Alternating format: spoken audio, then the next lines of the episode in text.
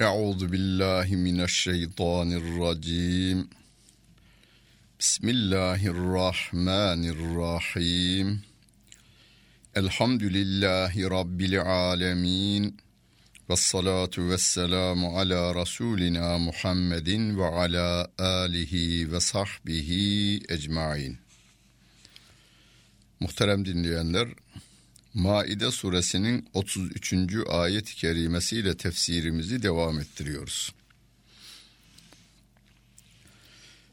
Mushaftan takip etmek isteyenler 112. sayfayı açacaklar ve 33. ayet-i kerimeyi bulacaklar.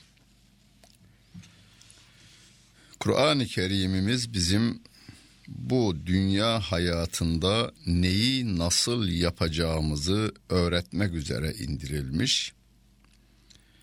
Bu Kur'an'ın nasıl yaşanacağını ve nasıl anlaşılacağını da sevgili peygamberimiz Muhammed Mustafa sallallahu aleyhi ve sellem hayatıyla ve sözleriyle bize örnek olmuştur.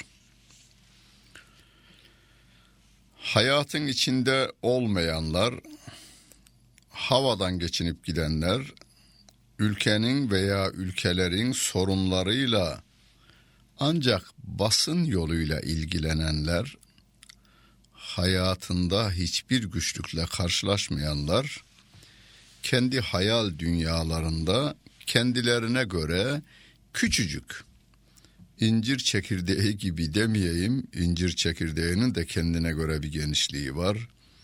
O kadar bile olmayan bir kap, bir alan çiziyorlar ve ondan sonra da Kur'an-ı Kerim'den bazı ayet-i kerimelere itiraz etme tarafına gidiyorlar. İşte onlardan itiraz ettikleri bir ayet de bu. إنما جزاء الذين يحاربون الله ورسوله ويسعون في الأرض فسادا أن يقتلوا أو يصلبوا أو تقطع أيديهم وأرجلهم من خلاف أو ينفوا من الأرض. ذلك لهم في خزي في الدنيا ولهم في الآخرة عذاب عظيم إلا الذين تابوا من قبل أن تقدروا عليهم. Aleyhim fa'lemu ennallâhe gafurur rahim. Rabbimiz bu ayet-i kerimesinde Kur'an'a ve sünnete göre yaşayan bir topluluk içerisinden birilerinin çıkıp Kur'an ve sünnete göre bu milleti yaşatmayız biz diye baş kaldırmış olursa ve bu konuda da silaha sarılırsa Kur'an ve sünnete göre yönetilen ülkede kargaşalık çıkarmak, talan yapmak ve yönetimi devirip kendince bir baskı rejimi kurmak için faaliyet gösterenlere yani o çeteye karşı Rabbim cezai müeyyidesini bildiriyor. Allah'a ve Resulüne harp açanlar kelimesiyle ifade ediyor. Çete demiyor, terörist demiyor. Diyor ki Allah'a ve Resulüne harp ilan edenler. Kimse Allah'a harp ilan edemez. Çünkü onu görmüyor ki, ona karşı gücü yetmez ki, şu anda da peygamberimize karşı harbi ilan edilemez. Çünkü 1400 yıl önce yaşamış ve Rabbin huzuruna gitmiş. Öyleyse burada harpten kasıt Allah'ın kitabına, Resulünün sünnetine karşı harbi ilan edenler diye anlaşılır. Ve bu konuda da yeryüzünde fesat çıkarmak için koşuştururlarsa onların cezası diyor öldürülmek veya asılmak veya ayak ve ellerinin çaprazlama kesilmesi veya sürgüne gönderilmesidir. Diyor ayet. Ayet böyle diyor. Şimdi buradan tefsircilerimiz ve de fakihlerimiz insanların işledikleri suça göre cezalandırılacaklarını adam İslami bir devleti yok etmek yerine kendi baskı rejimini kurmak için çete oluşturmuş ve silahlı e, çarpışmaya girmiş. Adam öldürmüş. Adam öldürmüşse öldürülür. Adam öldürmemiş de çapulculuk yapmış, soygunlar yapmış. Teşkilat adına soygunlar yapmış. O zaman eli kesilir. Onu da yapmamış da o teşkilata katılmış. O zaman sürgüne gönderilir diye Kur'an'daki e, ayrı ayrı bildirilen cezalar suçlarıyla denkliği esas alınmıştır. Ama olur muymuş efendim bu çağda da der meali okuyan birisi. Ama aynı gün akşam haberlerinde işte teröristler bir şehri bastılar veya bir köyü bastılar çoluk çocuk demeden orada insanların evlerini yaktılar. Derken güvenlik güçleri de onlara karşı e, taarruza geçti ve şu kadar teröristi etkisiz hale getirdi. Haberini duyunca da gönlü ferahlar insanımızın. Aslında bunların hepsini asacan deyiverir. Devletle yönetimiyle hiç ilgilenmemiş. Kendi çocuğu öldürülmemiş. Kendi malı talan edilmemiş. Evine girip hırsızlar tarafından beynine kurşun dayandıktan sonra, tabancayı dayadıktan sonra evindeki 40 yıllık birikimi gitmemiş. Havadan geçinen insanlar var. Onlar genelde bu tür yani Kur'an'daki cezai müeyyidelere de karşılar. Dünya devletlerinin hukuklarında olan cezalara da karşılar. Ta ki bir gün kendisi bir yere gittiğinde evine giriyor hırsızlar. Yine o havadan gelen paraları götürüyorlar. Ondan sonra o da başlıyor. Asacan bunları aslında asacan deyiveriyor. Asmak, kesmek, sürgüne göndermek eğer bize bırakılacak olursa ya onları kahraman ilan edebilir bir kısmımız, bir kısmımız da sülalesini silebilir tarihten. Bir konferans için Arnavutluğa gittiğimde orada sordum. 50 yıl halkı hapishane içinde yaşatan Enver Hoca'nın hiç iyiliği yok muydu dedim. Dedi ki beni gezdiren hocam hırsızlık durdu dedi. Ülkenin tamamında kimse hırsızlık yapamaz oldu. Birbirinin canına kastetmeler durdu. Yani kimse kimseyi öldürmedi. Devlet öldürür de diyor. Şahıs olarak kimse kimseyi öldüremedi.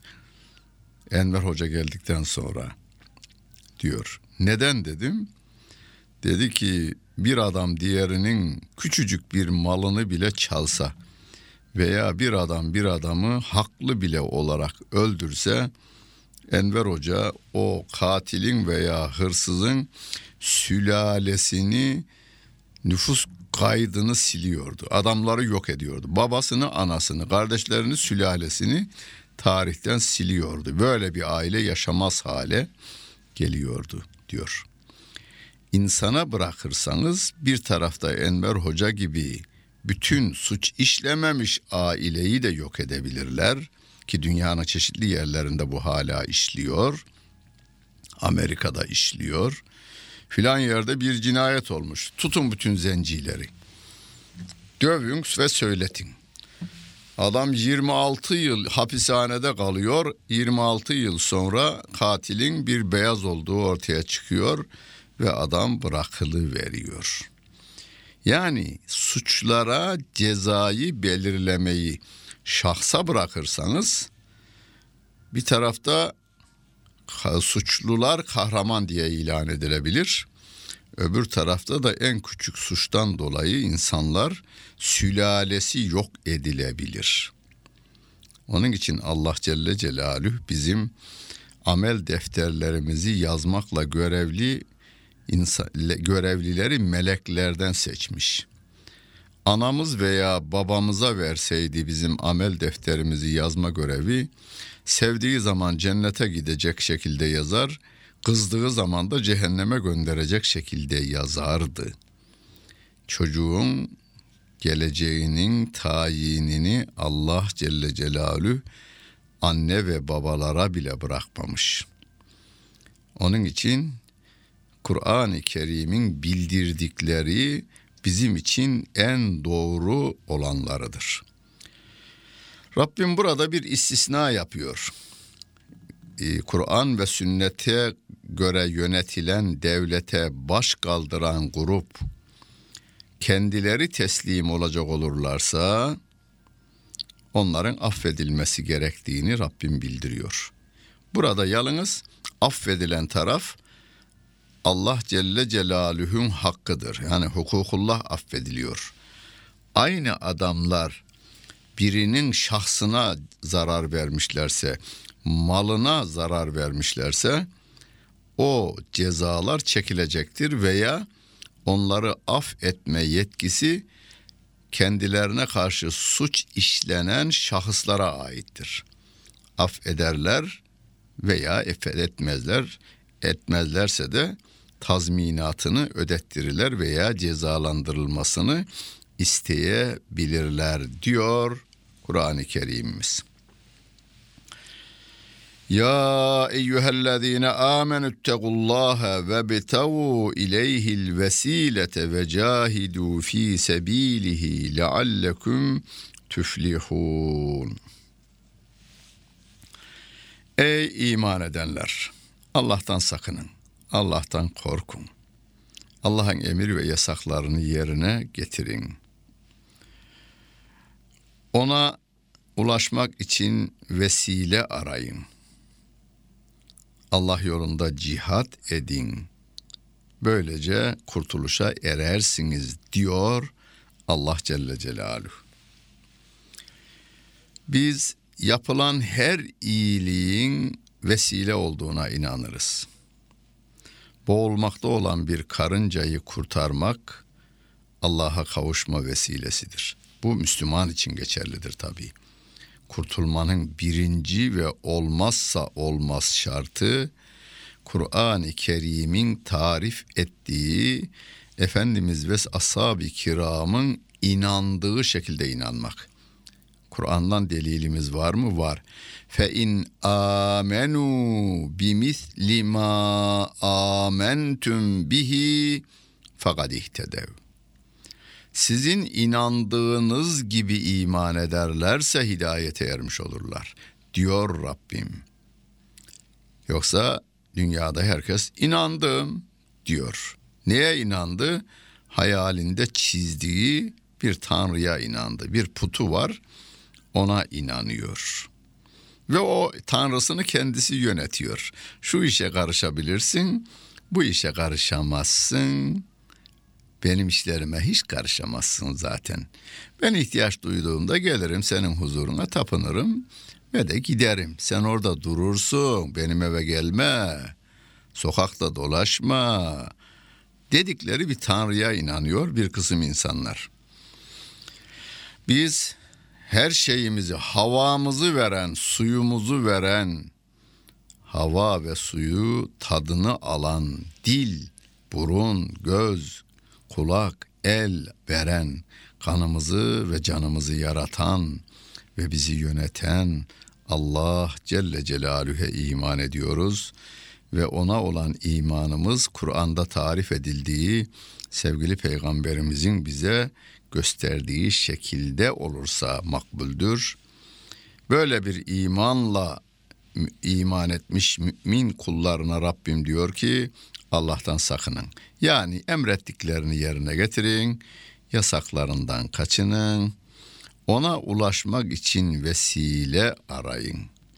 Namazımız vesilemizdir, Kur'an okumamız vesilemizdir, orucumuz vesilemizdir, selam vermemiz vesilemizdir, gönül almamız vesilemizdir, gülümsememiz vesilemizdir, midemizi haramdan temiz tutmamız, dilimizi yalandan temiz tutmamız, bütün bunlar bizim Allah'a uğraştıran vesilelerimizdir. Bize Allah'ı, peygamberi, ashab-ı kiramı tanıtan hocalarımız, şeyhlerimiz, büyüklerimiz hepsi birer bunlar vesiledirler. Ve arkasından Allah yolunda cihad ediniz diyor Rabbim. Cihad hani cehit kökünden gelir diyoruz ya gayret göstermektir. Allah yolunda gayret göstereceğiz. Ne ile? Canlarınız ve mallarınızla diyor ayet-i kerimede. Bu can o onun tarafından verilmiş. Rabbim vermiş. Malı da o vermiş. Diyor ki bak bu dünyada izzetini korumak, ahirette de cenneti kazanmak için bu benim verdiğim can sermayesiyle mal sermayesini benim emrettiğim şekilde harcarsan ben sana cenneti veririm. İnna Allah eştera minel müminine enfusehum ve emvalehum bi enne lehumul cennet. Allah müminlerden cennet karşılığında canlarını ve mallarını satın aldı diyor Allah Celle Celaluhu. Bu cihadı ne için yapıyoruz biz? E bütün insanlık ailesinin Allah'a kul olmasını sağlamak, cehennemde yanmasını engellemek için harcıyoruz.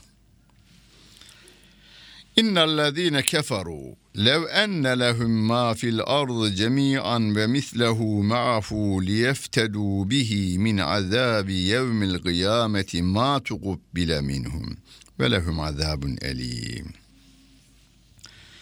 Kafirlere gelince onların yeryüzünün tamamı onların olsa ve o mallarını da yeryüzü deyince hani deniz ürünleri, orman ürünleri, altınlar, gümüşler, yakutlar, inciler, mercanlar, petroller. Yani dünyanın tamamı. Onların olsa ve cehennemden kurtulmak için onu da fidye vermeye kalksalar kabul edilmez diyor.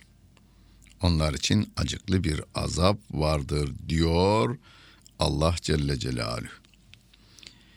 Cenneti hak eden en önemli şey birinci derecede imandır.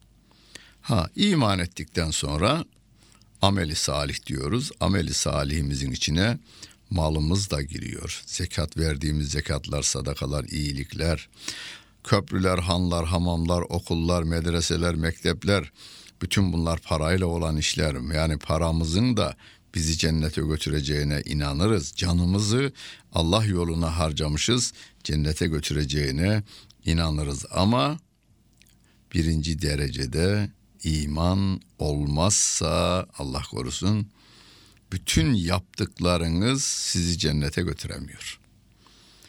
Dünyanın tamamı altın topu olsa ve onu e, fakirlere, yetimlere, insanlara harcasanız ama Allah'a ve ahirete inanmamış olsanız veya yanlış bir şekilde inansanız yapılan fayda vermiyor. Yuru yuridun en yahrucu minen nari ve ma hum bi haricin minha ve lehum azabun muqim. Kafirler cehennemdeyken cehennemden, ateşten çıkmak isterler ama oradan onlar çıkamazlar. Onlar için devamlı azap vardır diyor Allah Celle Celaluhu.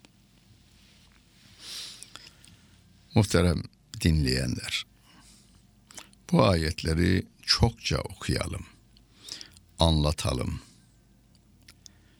Dinime düşman olanlara da anlatalım ve okuyalım.'' Bakın kafir olarak ölmenizi istemiyoruz. Sizin daimi olarak cehennemde kalmanızı istemiyoruz ve biz bu ayetleri onun için okuyoruz diyelim onlara. Hemen gelen ayet-i kerimede yani Maide suresinin 38. ayet-i kerimesinde yine ceza yasasından bir madde geliyor. Vessariqu vessariqatu faqta'u eydiyehuma cezaen bima keseba nekalen min Allah. Vallahu azizun hakim. Femen tabe min ba'di zulmihi ve aslaha fe innallaha yetubu aleyh. İnnallaha gafurur rahim.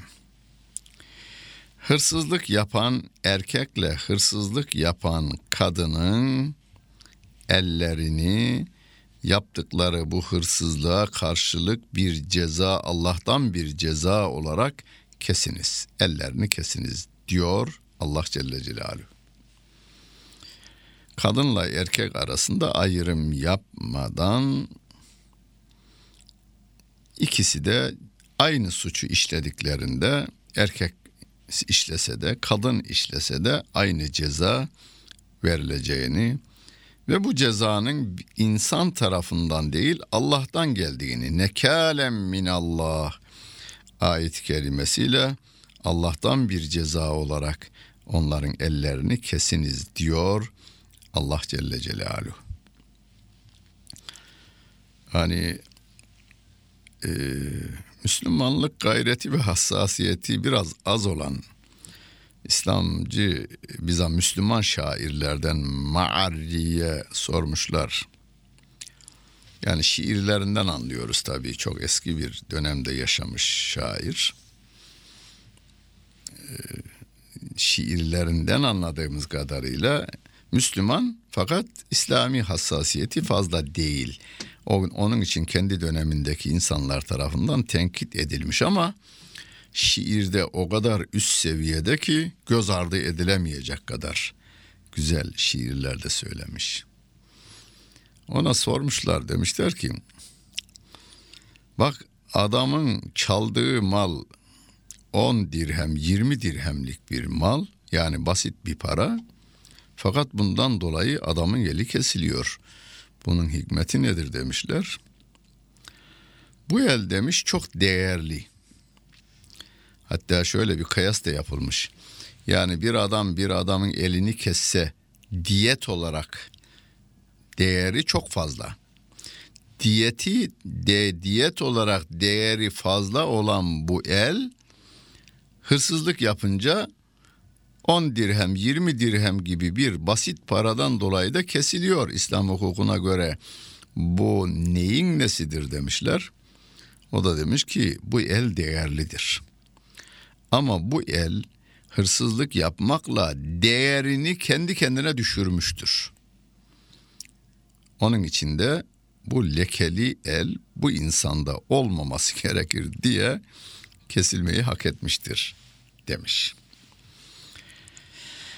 Şimdi 33. ayet-i kerimenin tefsirinde de ifade ettiğim gibi Allah Celle Celaluhu bazı suçların cezasını insanlara havale etmemiş. Bizzat kendisi bildirmiş. Hani zinanın cezasını kendisi bildirmiş. Hırsızlığın cezasını kendisi bildirmiş. Meşru bir devlete karşı baş kaldıranların cezasını da yine Kur'an-ı Kerim bizzat kendisi yani Rabbim kendisi bildirmiş. Adam öldürmenin cezasını da yine Allah Celle Celaluhu kendisi bildirmiş. İffetli kadın veya erkeklere zina iftirasında bulunanların cezasını da Kur'an-ı Kerim bildirmiş. Özetleyelim beş madde bu. Kur'an-ı Kerim'in e, suç olarak bildirdiği ve cezasını da bildirdiği beş madde vardır meşru devlet başkanına karşı baş kaldıranlar, silahlı baş kaldırıda bulunanlar, haksız yere adam öldürenler, mal yani hırsızlıkta bulunanlar, zina edenler ve bir de iffetli kadın ve erkeklere zina iftirasında bulunan insanların suçlarını ve de cezalarını Allah Celle Celaluhu bildirmiş diğer suçların cezasını Peygamber Efendimiz Aleyhisselatü Vesselam'a havale etmiş. Efendimiz'den öğreniyoruz biz diğer suçların cezasını. Böyle olunca biz Kur'an'a iman etmişiz. Yüzde yüz bunun doğru olduğuna inanıyoruz. Fakat günümüzde bir kısım insanlar şu çağı gözünün önüne getirerek mesela benim kendime bir solcu yazarımız, ünlü bir yazarımız dedik. Sayın hocam 500 bin adam hırsızlık suçundan ceza almış. Şimdi 500 bin adamın elini kesmek olur mu? diyor. Bunlar İslam yani İslam'ı severler de İslam'ı bilmezler. Sevgili Peygamberimiz Aleyhisselatü Vesselam Mekke'yi fethettiğinde Kabe'nin kapısından bir eliyle tutmuş ve insanlara bir konuşma yapmış orada. Konuşmanın bir bölümünde diyor ki bugüne kadar işlemiş olduğunuz bütün suçlardan dolayı cezalandırılmayacaksınız. Hepiniz hürsünüz ve evlerinize gidiniz diyor. Ve bizim yani ceza usul kanununda bir madde var. Ee, El gurmu bil gunmi diye ifade edilir.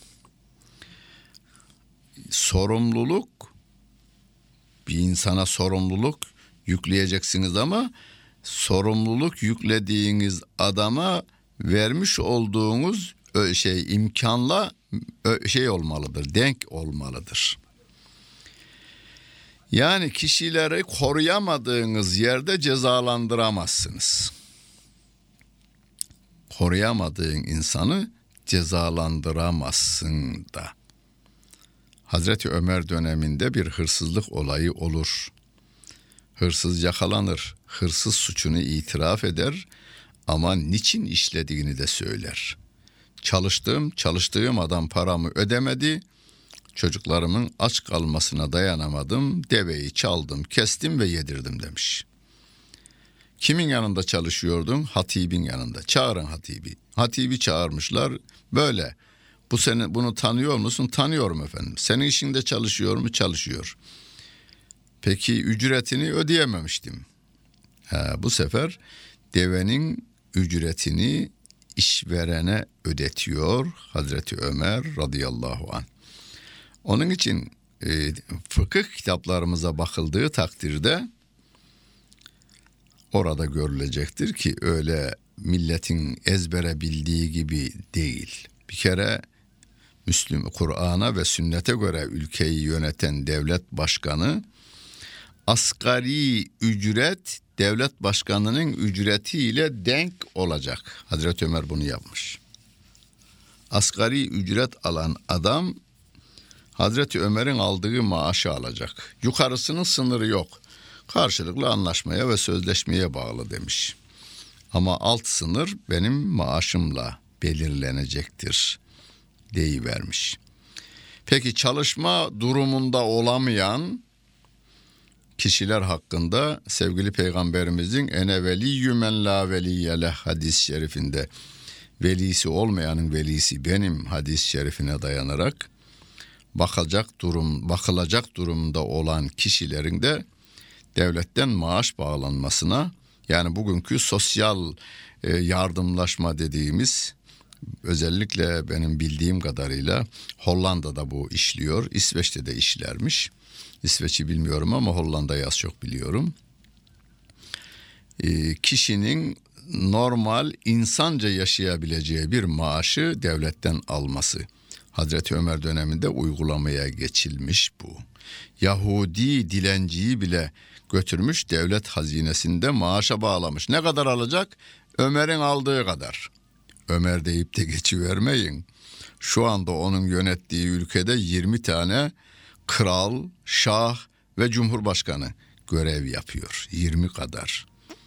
Ve o Hazreti Ömer e, dilenme durumunda olan Yahudiye hazineden maaş bağlarken onun da Hazreti Ömer'in aldığı kadar alacak. Çünkü mide aynıdır. Zengin midesiyle fakir midesi üç aşağı beş yukarı birbirine yakın. Elbise ihtiyacı da aynıdır. Böyle bir ortamda yani şu ortamda Kur'an'ı düşünmek yanlışına düşüyor bizim insanlarımız. İslam, Kur'an ve sünnet yaşanır hale gelince bu sorun olmuyor. Kapkaççı en aza iniyor. Hırsız en aza iniyor. Yok denecek kadar azalıyor. Elem te'alem ennallâhe lehu mulkus semavati vel ard yuazzibu men yeşâ ve yağfiru limen yeşâ vallahu ala kulli şeyin kadir. Sen bilmiyor musun diyor. O Allah Celle Celaluhu içindir göklerin ve yerin mülkiyeti de otoritesi de. O dilediğini azap eder, dilediğini de mağfiret eder, affeder. Allah her şeye gücü yetendir diyor Allah Celle Celaluhu. Allah Celle Celaluhu'nun azabından yine Allah'a sığınacağız. Rabbimin rahmetini çekmek için yine Rahman ve Rahim olan Allah Celle Celaluhu'ya sığınacağız. Onun ya o yarattığı, onun yarattığı ülke üzerinde, toprak üzerinde onun yarattığı ayaklarla geziyor, onun verdiği elle tutuyor, onun verdiği gözle görüyoruz. Öyleyse ona karşı nankörlük yapmayalım. Ona kulluk yapalım. Allah'ın yarattığı kullara kul olmayalım. Rabbimiz yardımcımız olsun. Dinlediniz. Hepinize teşekkür ederim. Bütün günleriniz hayırlı olsun efendim.